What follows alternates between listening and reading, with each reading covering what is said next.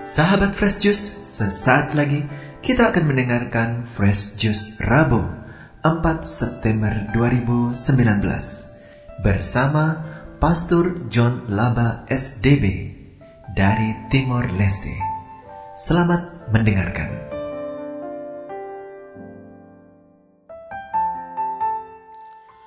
Saudara-saudari yang dikasihi Tuhan, kita berjumpa lagi dalam Daily Fresh Juice pada hari ini hari Rabu pekan biasa yang ke-22 bersama saya Pastor John Laba SDB.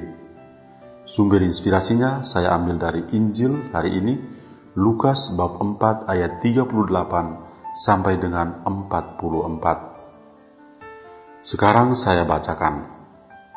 Setelah meninggalkan rumah ibadat di Kapernaum, Yesus pergi ke rumah Simon.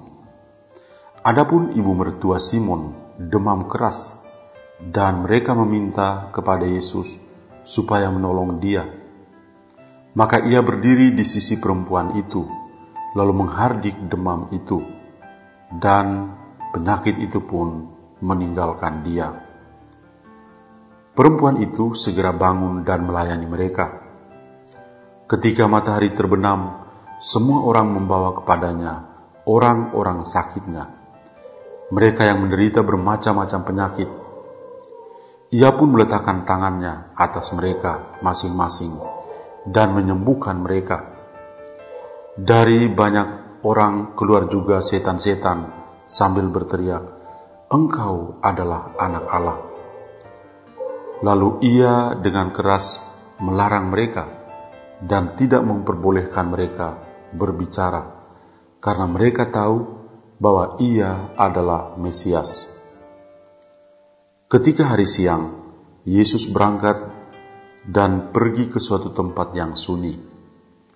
Tetapi orang banyak mencari dia, lalu menemukannya dan berusaha untuk menahan dia, supaya jangan meninggalkan mereka. Tetapi ia berkata kepada mereka, juga di kota-kota lain aku harus memberitakan Injil Kerajaan Allah, sebab untuk itulah aku diutus. Dan ia memberitakan Injil dalam rumah-rumah ibadat di Yudea. Demikianlah Injil Tuhan kita. Terpujilah Kristus.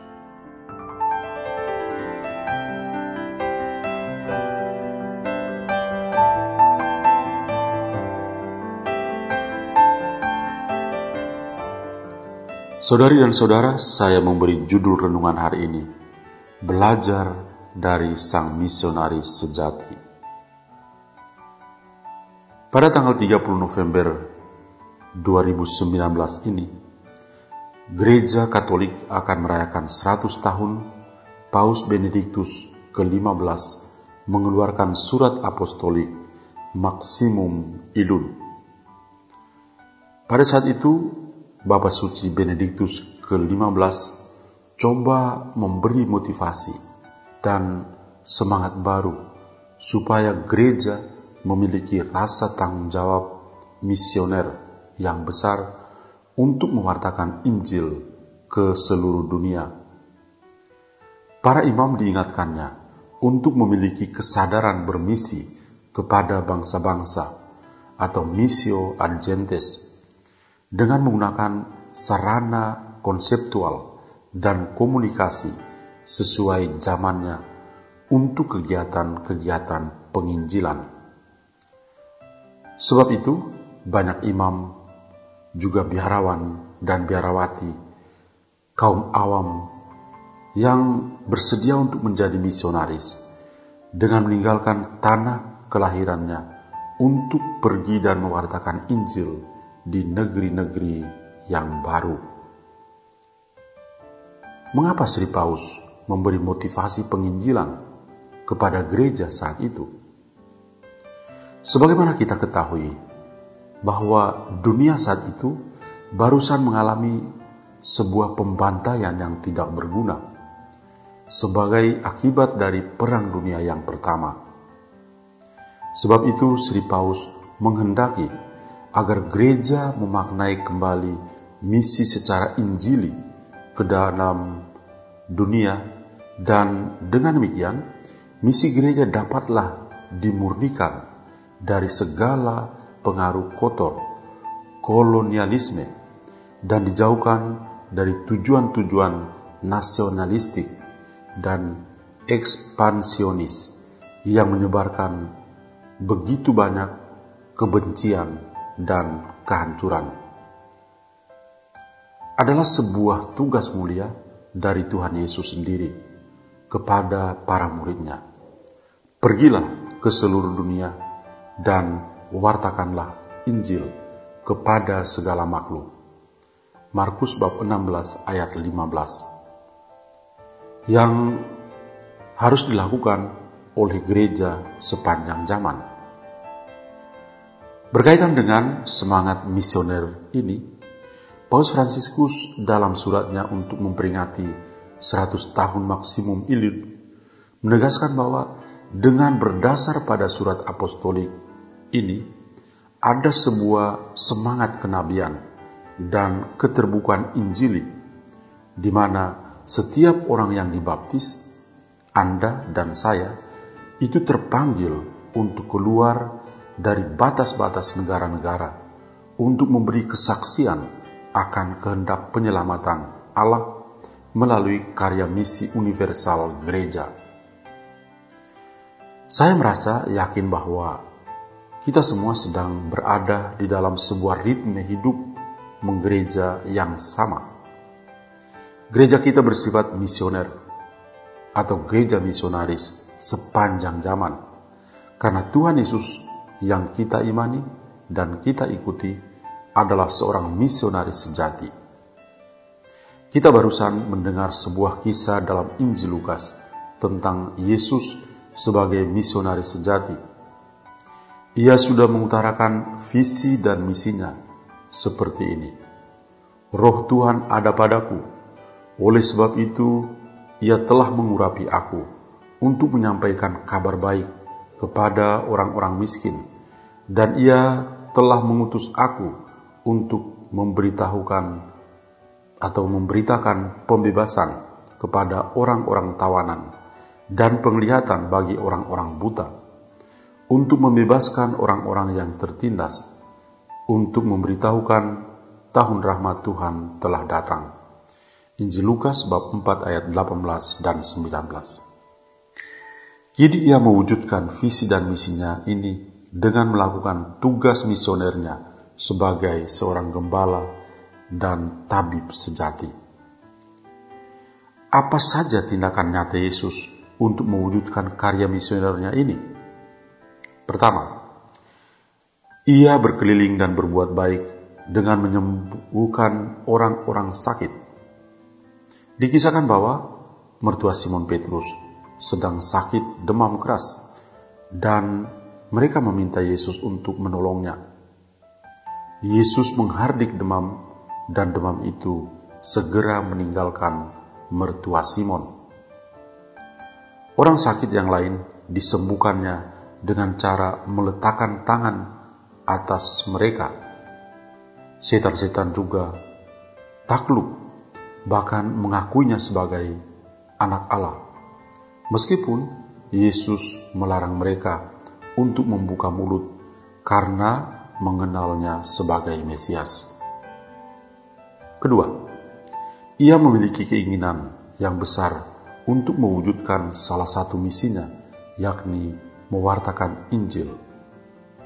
Ia menegaskan bahwa untuk itulah perutusan atau misinya, yakni mewartakan Injil. Aksi nyatanya adalah ia masuk dan keluar kota serta memasuki rumah-rumah ibadat di Yudea untuk mewartakan Injil. Ketiga, buah dari karya misioner adalah kesiapan untuk melayani.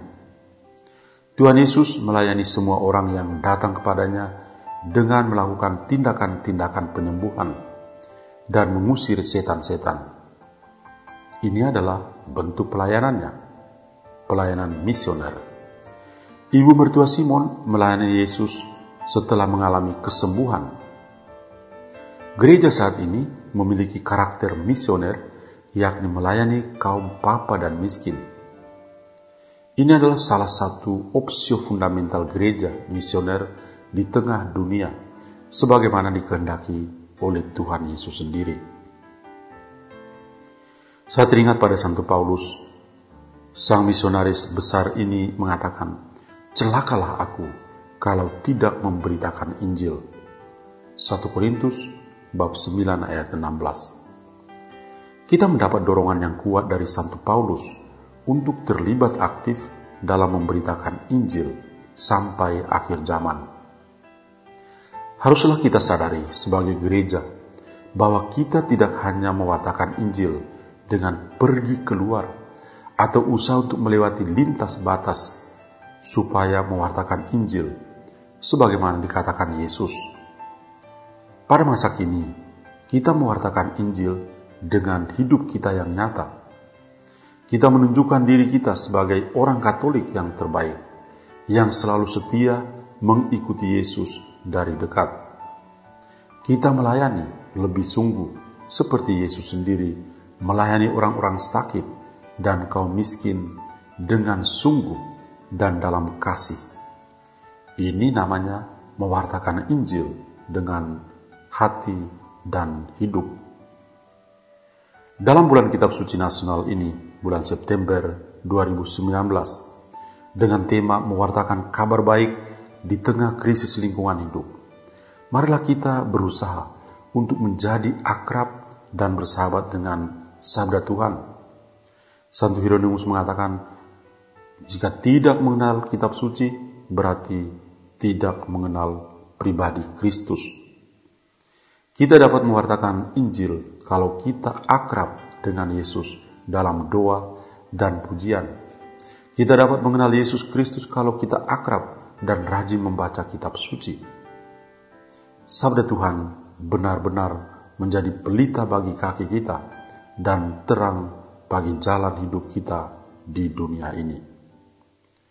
Saya mengakhiri renungan ini dengan mengingatkan kita akan tiga tugas penting gereja yang diminta oleh Sri Paus Benediktus ke-15 dalam Maksimum Illud untuk mendukung misi dan kehidupan para misionaris dan saya merasa masih aktual hingga saat ini yakni pertama doa kedua menumbuhkan panggilan misioner dan yang ketiga, bantuan ekonomi.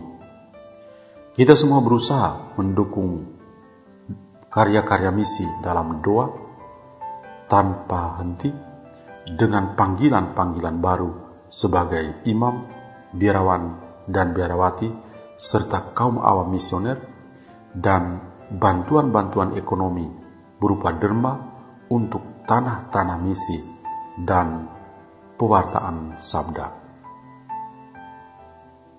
Marilah berdoa.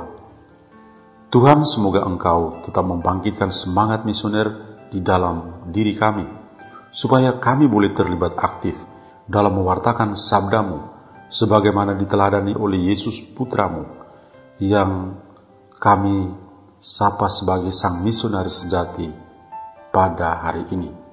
Semua kami terlibat aktif dalam mewartakan Injil Kerajaan Allah di tengah dunia kami ini. Semuanya kami panjatkan kepadamu dengan pengantaran Kristus Tuhan kami. Amin. Dan kiranya kita semua senantiasa dilindungi dan diberkati oleh Allah yang Maha Kuasa, Bapa dan Putra dan Roh Kudus. Amin. Tuhan memberkati kita semua.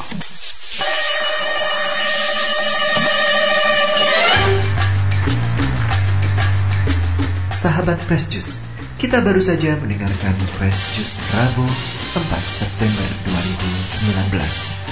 Segenap tim Fresh Juice mengucapkan terima kasih kepada Pastor John Laba SDB untuk renungannya pada hari ini. Sampai berjumpa kembali dalam Fresh Juice edisi selanjutnya. Tetaplah mengucap syukur dan salam Fresh Juice.